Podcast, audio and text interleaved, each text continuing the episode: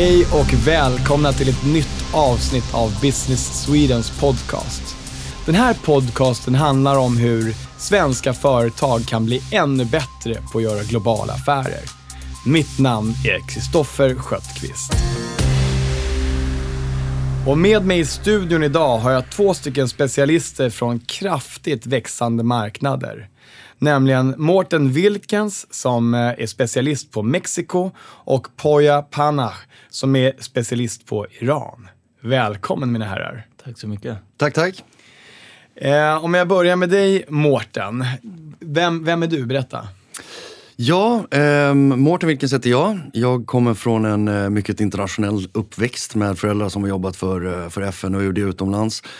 Eh, så jag har alltid haft ett intresse för att fortsätta den, eh, kan man väl säga, typen av karriär och eh, ta mig ut i världen men gärna genom att representera Sverige på något sätt. Och det har jag lyckats med en fantastiskt rolig karriär eller ett, ett väldigt roligt jobb inom Business Sweden. Um, genom tiderna så har jag levt mycket i Latinamerika, ungefär uh, 10-12 år totalt i några fyra olika länder och eh, därmed funnit eh, det perfekta jobbet kan man väl säga i Mexiko för, eh, för Business Sweden. Och, och, nu bor du i Mexiko? Jag bor i Mexiko sedan två och ett halvt år, snart tre år.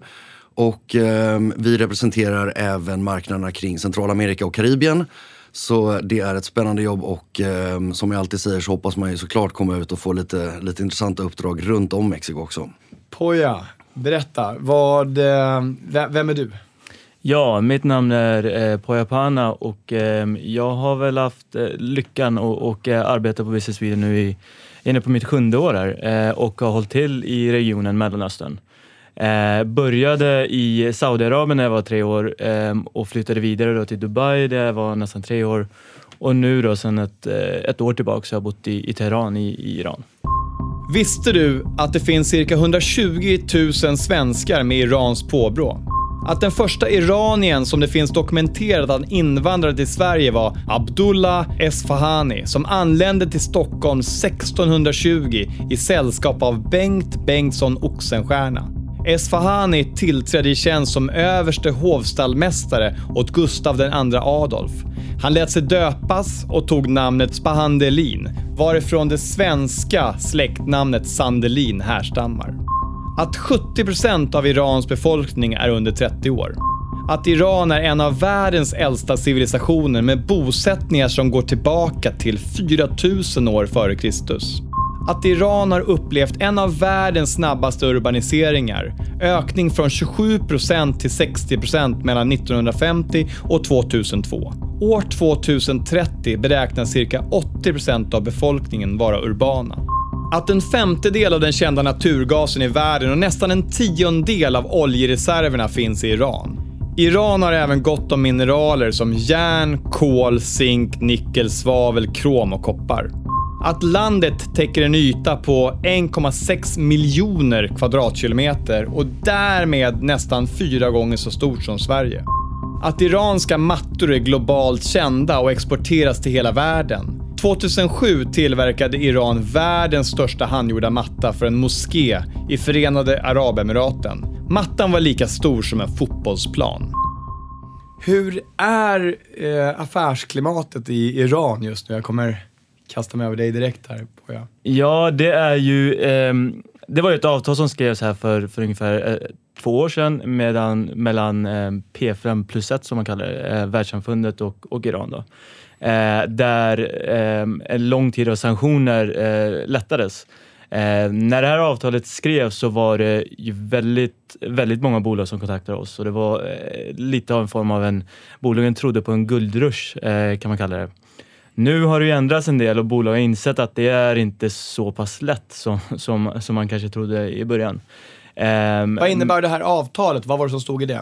Så det som, eh, under en lång tid så har Iran varit un, under sanktioner eh, och det man, eh, det man skrev under nu på det här avtalet var att eh, var en sanktionslättnad helt enkelt. Där eh, framförallt då de, de europeiska ekonomiska sanktionerna eh, släpptes eh, eller lättades. Eh, det är en, en del sanktioner som är kvar eh, men de relaterar då till mänskliga rättigheter.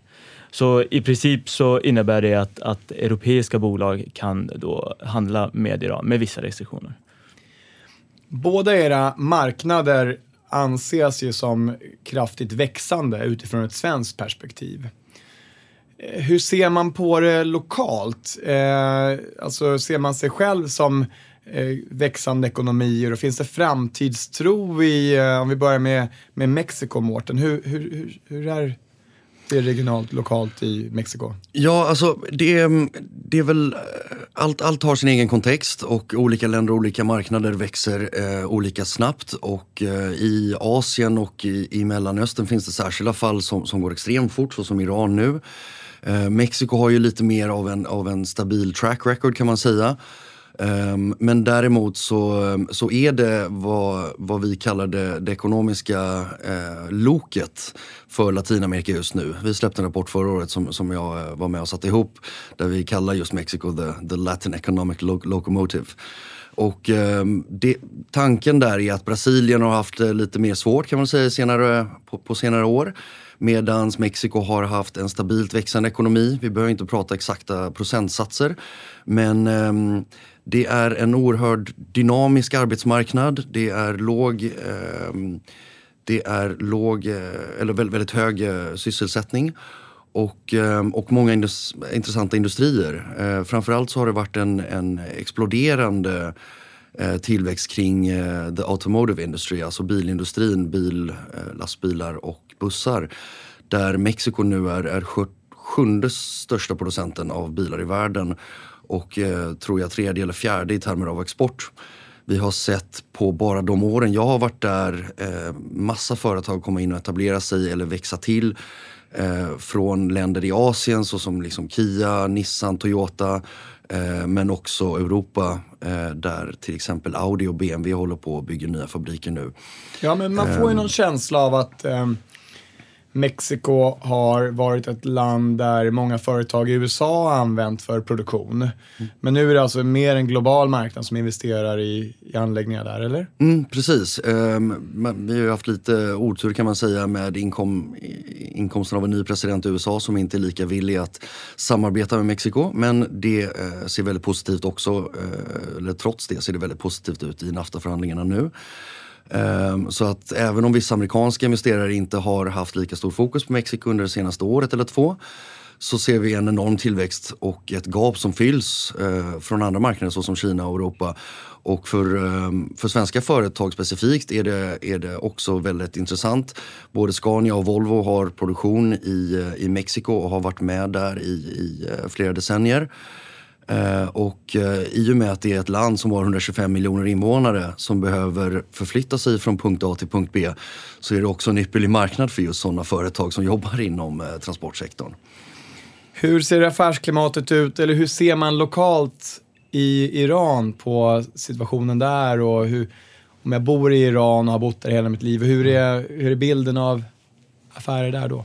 Jo, men um det är faktiskt många likheter till, till, till Mexiko nu eh, som jag får höra här. Exempelvis eh, transportindustrin, eh, lokal produktion, eh, olyckan eller vad man ska säga med, med en ny president i, i USA. Eh, men om vi kommer tillbaka till, till just frågan hur, hur den lokala befolkningen ser på det. Man hade ju väldigt stora förhoppningar på tiden efter avtalet eh, och att det lite skulle, skulle eh, explodera med en hel del nya jobb och, och arbetstillfällen.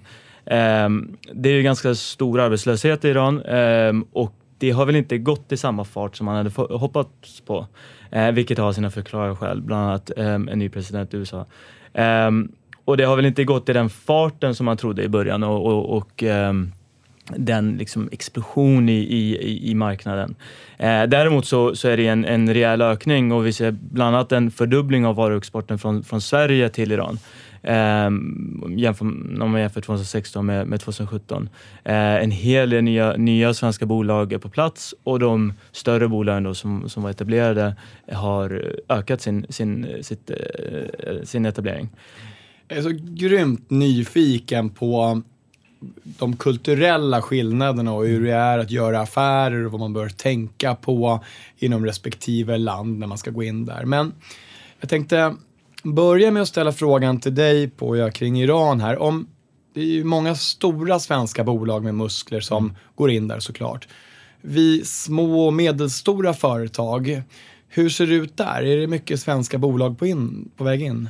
Det kommer in en, en hel del eh, små och medelstora bolag. Eh, men i ärlighetens namn så behöver man nog man behöver ha lite muskler för att, för att ta sig in i Iran. Eh, det är inte den första marknaden som man kanske eh, bör titta på som, som ett bolag eh, från Sverige eller Europa. Men vad är det för någonting som man letar efter där? Om man, finns det någon produkt eller någon tjänst eller någon digital tjänst som är klockren in i, i Iran just nu? Ja, det finns väldigt, väldigt mycket. Eh, Exempelvis renewable energy är något som man tittar väldigt mycket på. Gruvindustrin behövs, ehm, ehm, behövs en hel del olika, olika var, produkter och tjänster till. Ehm, det som faktum är lite grann nu att under den här sanktionstiden så har man varit tvungen ehm, och och handlar och mycket från, från Kina och, och Östasien. Eh, och man har skapat en, en lokal produktion eh, också. Eh, men om vi tittar exempelvis på hälsosektorn eh, som är en sektor som växer extremt mycket i Iran Ehm, där, har man, ehm, där har man en hel del lokal produktion med lite av de här, det man kallar disposables, det, det som är lite lättare att producera. Det man behöver, ehm, eh, det man behöver hjälp med exempelvis i den sektorn är det här, de här lite mer high, high-tech-produkterna eh, och, och lite mer avancerade lösningarna. Detsamma gäller IT, ICT-sektorn. Eh, inom transportsektorn har man också behövt få in lite mer avancerad teknologi. Om jag eh, istället eh, har en digital affär, det vill säga att jag har en app till exempel som jag säljer. Eh, vad har du för tips då om jag vill gå in på marknaden i Iran? Ja, den, den är lite svårare. Um, för att um, det här avtalet, då, om vi kommer tillbaka till det, för att det, det är väldigt mycket förknippat med, med affärer i Iran. Eh, då släpptes de, eh, i USA hade man det man kallade primary och secondary sanctions. Eh, de, eh, de eh, sanktionerna som då lättades var det, var det som var secondary sanctions, vilket innebär ehm, sanktioner, eh, vilket innebär att, att ehm, amerikanska dotterbolag kan bedriva affärer i Iran. Däremot ehm, är primary sanctions fortfarande kvar, eh, vilket innebär att amerikanska bolag ehm, kan inte göra affärer i Iran och amerikanska personer eh, amerikanska dollar etc. etc. Eh, vilket gör det lite svårare för appbolag i och med att allt går då via iTunes eh, eller App Store. Ehm, så där, det, det är ganska komplext och komplicerat där, för då måste man eh, söka licens och då måste man kunna, kunna marknadsföra sin app, eh, vilket är svårt utan eh, App Store. Ehm. Vi sitter ju i Stockholm nu och, och ni är influgna från, eller du är influgen från Teheran. I Stockholm så åkte jag tunnelbana hit till studion idag och alla sitter och tittar på sin mobiltelefon. Mm. Hur, hur, ser det ut i Teheran? Det har ju det har utvecklats rejält bara under den här tiden som jag har bott där. Um, och jobbat med Iran har jag gjort ungefär i tre år. Um, och eh, det, det, är extremt mycket nya, nya appar och det, de hittar sina lösningar um, och det laddas ner på, från hemsidor till, till iPhones uh, och till Androids ehm, som många har idag. Um, det är bara, jag läste någonstans att det har ökat med 60 procent tror jag var, Nå, någon, någon siffra um, som jag inte kan bekräfta, men um, med internethandeln. Och, um, Eh, man har ju olika typer av kopior av, av Uber som, som används i Iran. Jag använder ett, en, en app som heter Snap ehm, varje dag i princip som en taxiapp, eh, kopia av Uber. Ehm, man handlar ehm, på nätet i en extremt stor eh, utsträckning. Vi har svenska bolag faktiskt eh, som investerat i, i eh, IT-lösningar och i ICT-sektorn i, i, eh, i Iran. Så Om jag vill skicka varor dit, antingen digitalt eller fysiskt, funkar det? Det funkar, absolut. Mm. Ehm. Vi kastar oss över Mexiko. Mårten, hur är det med den digitala mognaden där? Ja, eh, jag, jag, hade själv en liten anekdot här som jag tänkte ta upp idag som, eh, som jag också har blivit spårat av er att, att komma med lite, lite roligare in, eh, inslag här. Eh, och det, det utgår ifrån Ericsson som såklart är en av våra äldsta och största företag runt världen. Eh, de är likaså väletablerade i Mexiko, bedriver ungefär eller underhåller två tredjedelar av hela Latinamerikas eh, telekomnätverk och fyller nu 115 år i Mexiko. Eh, till och med varit där sen sena 1800-talet med andra ord. Eh, och en, en, en liten anekdot där som jag tycker är kul att, att, att, berätta för folk. Det är att man i Latinamerika, eller rättare sagt spansktalande Latinamerika, alltid svarar i telefonen genom att säga hola, det vill säga hej, eller buen dia som betyder god dag. Men enbart i Mexiko har man den nyansen att folk svarar genom att säga bueno, som alltså betyder bra. Eh, som, som de flesta andra spansktalande länder eh, tycker är förbryllande. Och anledningen att det är så i Mexiko är för att när Ericsson installerade telekomnäten där på 1890-talet så gick deras ingenjörer runt och testade linorna överallt i landet och fick alltså svara bueno eller malo, det vill säga bra eller illa. Eh, som, eh, som alltså är en, en eh, nu integrerad del av kulturen i det här landet. Och eh, för att dra det ett steg längre så under mexikanska revolutionen kom, eh, kom Eriksson så, bra, så pass bra överens med revolutionärerna och i det här fallet Pancho Villa som är en, eh, en, en känd karaktär. Så att eh, de gick runt och målade de tre blå strecken från Ericsson på alla telekomstolpar runt om i landet. Så att när de eh, fortskred under sin revolution och brände allt i marken så såg de till att inte bränna ner Ericsson-stolparna. Ja, hur är det där? För jag tänkte prata om det svenska in i det. Mm. Hur är det att uh, vara svensk och göra affärer i Mexiko? Mm. Vet de vilka Sverige är? Är det någonting man bör lyfta fram eller spelar det ingen roll? Har man någon fördel av det? Nej, vi har absolut en fördel där. Och um, något som jag tror är ganska genomgående globalt, som också gäller för Mexiko, det är att vi anses vara pålitliga, vi har god kvalitet. Vi, har, eh, vi sätter högt värde på just värderingar och CSR. Allt från hållbarhet till eh, könsjämlikhet och eh, att behandla arbetare och, eh, och eh, samhället omkring företaget på ett värdigt sätt. Och det är något som Business Sweden verkligen drar, drar nytta av och eh, överför värde till våra kunder i de projekt vi samarbetar på. Just genom att vi får den uppmärksamheten och, eh, och, och goda viljan kan man väl säga från motparter. Eh, Värderar, inom, eh, mm. Värderar de mexikanska kunderna det här högt också? Ja, absolut. Och det, det, det hör man ofta. Liksom. Det, det, på något sätt har man hoppat några steg in på en, en förhandling med en kund när man är ett svenskt företag och framförallt om man kommer med backning från svenska ambassaden eller Business Sweden och andra institutioner Eh, så som även EKN och SEK i, i finansieringsfallen. Och det är något som verkligen gynnar oss och som vi ser vi kan bidra med till, till eh, både små och stora företag som kommer vara intresserade av att, av att förflytta sig till en annan marknad. Hur ser det ut i um, Iran? Hur ser man på svenska företag i Iran? Jag kan bara instämma här, för att um, inte bara i Iran utan i hela Mellanöstern um, där jag jobbat så Um, har eh, svenskt varumärke ett väldigt gott renommé. Um, och det underlättar vårt jobb, skulle jag säga, um, när, vi, när vi är ute där och, och, och marknadsför Sverige och, och, svenska eh, produkter, tjänster och bolag. Uh, det ses som väldigt kvalitativt, du vet vad du får, ett långsiktigt samarbete och Eh, och generellt eh, bra, bra saker. Ehm, så det, det är det absolut. Ehm, och, och det underlättar ju som sagt ehm, det vi gör.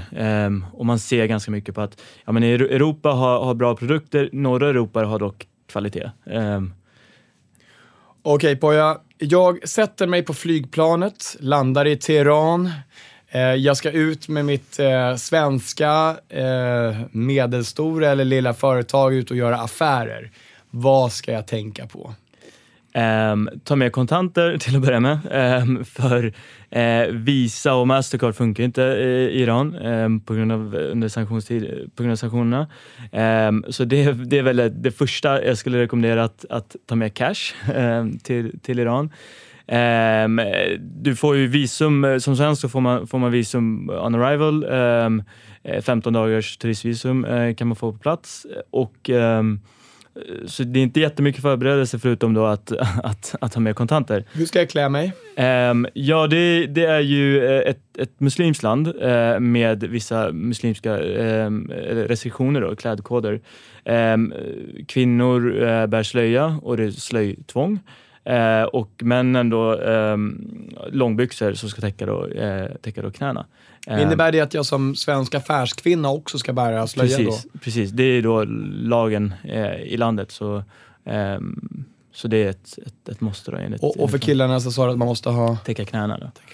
Men, men slöja då, det, är det att man ska ha någonting över huvudet eller hur, hur funkar det? Ja precis, det är över huvudet, täcka håret. Um, sen så är, har det blivit olika typer av trender i, i, Iran. I och, med att, I och att det är tvång så har de, folk testar gränserna eh, och, och klär sig då eh, olika, olika konservativt och, och liberalt då i, i iranska mått. Men eh, det, det, är ju lag på att man, eh, man måste ha slöja som kvinna.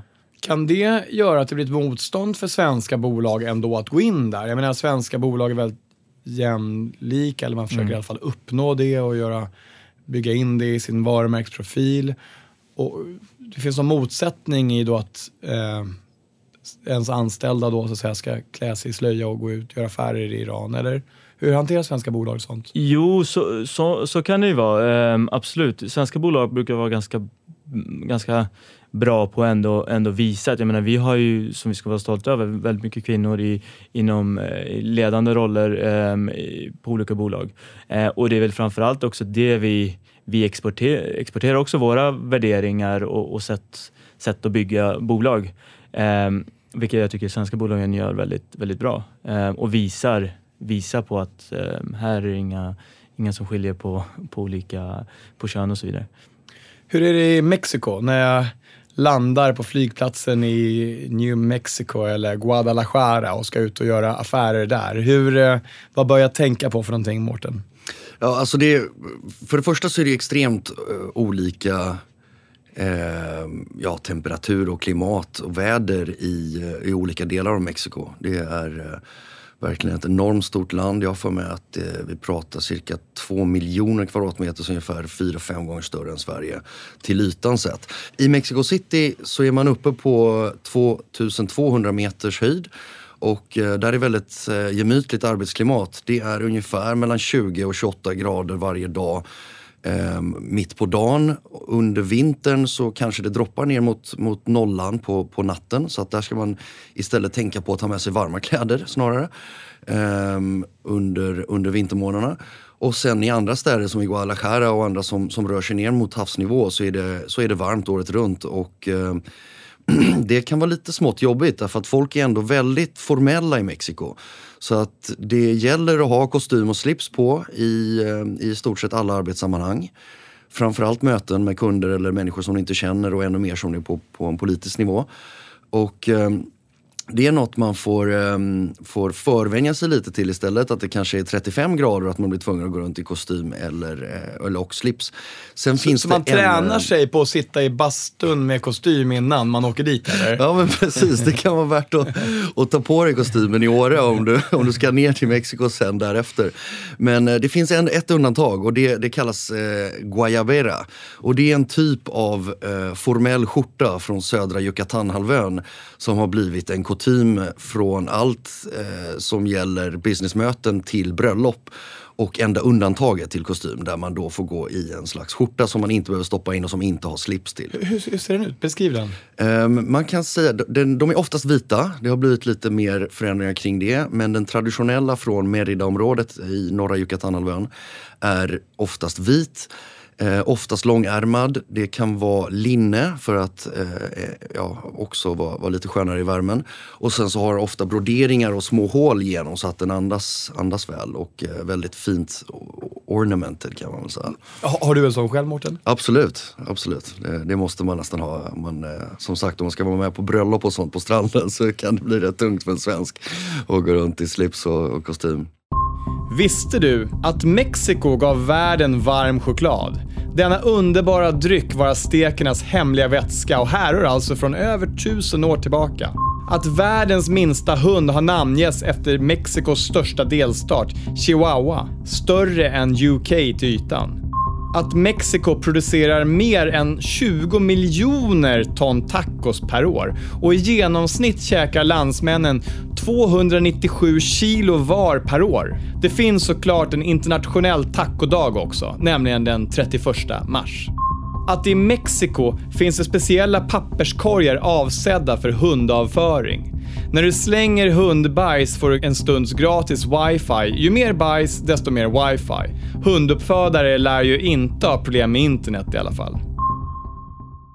Jag tänkte prata om kulturkrockar. Eh, alltså det måste ju hända hur mycket kulturkrockar som helst när vi kommer ut. Nu är vi ganska beresta som svenskar, och, men vi, låt säga nu att vi landar i eh, Iran första gången. Vad, vad, vad kan jag råka ut för, för kulturkrock? Vi pratade om kläderna tidigare, men vad kan vi råka ut för mer? Ja, ehm, en sån här ganska typisk, typisk kulturkrock eller skillnad på svensk och, och iransk kultur, det är ett, ett begrepp som heter tarof. Ehm, och det ska man förklara, det finns ingen direkt översättning, men det är ungefär ehm, man ska, om du blir erbjuden någonting så ska du tacka nej även fast du vill ha det. och om du inte vill erbjuda någon någonting så ska du ändå göra det. Eh, och då ska det, du, den andra personen förutsätter att, att han ska tacka nej. För att, eh, säg att ni har sista, sista biten av eh, godis eh, eller vad det nu kan vara, sista kakan. Eh, så ska man ändå erbjuda den, även fast båda verkligen vill ha den. Så ska man stå där. Eh, en annan och, grej, och ingen kommer äta upp den? Ingen kommer äta upp den om det är sista. Det, det, det är väldigt... eller ehm, innan man går in i en dörr. Inom, inom islam så är det väldigt eh, kutym att okay, på höger sida ska gå in först. Um, och sen så är det ofta liksom, det finns massa, massa koder och regler för det. Den äldre ska gå först och så. Um, en anekdot där, vi, vi har delegationer på eh, exempelvis ett sjukhus. Eh, finns det väldigt mycket dörrar, mycket hissar och eh, som anordnare, som planerare så är man ju väldigt stressad för att nu måste vi skynda oss på här. Eh, men är det mycket människor och många dörrar så tar det ganska lång tid när man ska stå, nej men du varsågod, nej men du, så står de där och, eh, där och tjafsar. Dividerar de vem som helst. Ja, precis, och, och står och liksom tar off och, och, och står och, och, står och eh, pratar om, okej okay, du ska först, nej men varsågod du, du, nu är det din tur. Och, eh, det tar ett eh, bra lång tid och det kan man kanske att det är så van vid i, i Sverige, där man kliver fram direkt. Um, ja, och sen så finns det bland annat den här um, en annan ganska, ganska typisk sån grej, en, en eh, inshallah-mentalitet som vi kallar det på kontoret, att, att, eh, vilket betyder om, om Gud vill, eh, vilket eh, man använder ganska mycket i, i hela Mellanöstern. Och, Eh, Eh, det kan också eh, vara lite frustrerande ibland för, för en del, eh, om man kommer från, från vår kultur, eller från, från svensk kultur, att, att eh, man planerar möten och man har en hel radda människor som står på plats och det, här, eh, och det bygger på, och så säger man, ja men eh, okej, okay, men då ses vi imorgon då, klocka, klockan åtta. Eh, ja, absolut, allt är klart. Ja, men vad bra, då ses vi imorgon. Eh, ja, inshallah. Och då är man såhär, nej men vänta, är det möte imorgon eller är det inte? Det är lite oklart. Så, så det kan innebära att de öppnar upp för att vad som ja, helst precis. kan hända? Vad som helst kan hända. Ja, vi ser som Gud vill. Men, ja. Eh, I Mexiko, Mårten, eh, typiska kulturkrockar. Vad, vad ska vi tänka på, vi svenska bolag som dundrar in där? Ja, alltså i, i, det, i det stora hela får jag nog säga att det är väldigt avslappnat och att det är eh, ganska likt vår västerländska kultur där. Det har ju alltid varit eh, starkt, eh, starkt inflytande från USA och, eh, och eh, väldigt annorlunda eh, till exempel då muslimska länder som Iran i det här fallet. Men ehm, det, det viktigaste att påpeka är kanske att man får ta det lite lugnt här. Det, det är något som, som Poya nämner att, att svenskar liksom, vi, vi är alltid stressade. Man ska alltid gå fort. Mm. Det är ju snarare så att du blir nersparkad på tunnelbanan om du går långsamt. Och där är det ju tvärtom, att man själv blir überstressad därför att alla går så långsamt och ja men vi tar ett möte igen snart och det betyder om två veckor och det finns ett ord på Ehm, ja, mexikansk dialekt av spanska som kallas aurita. Aura betyder nu medan aurita är mexikanskt för typ nu.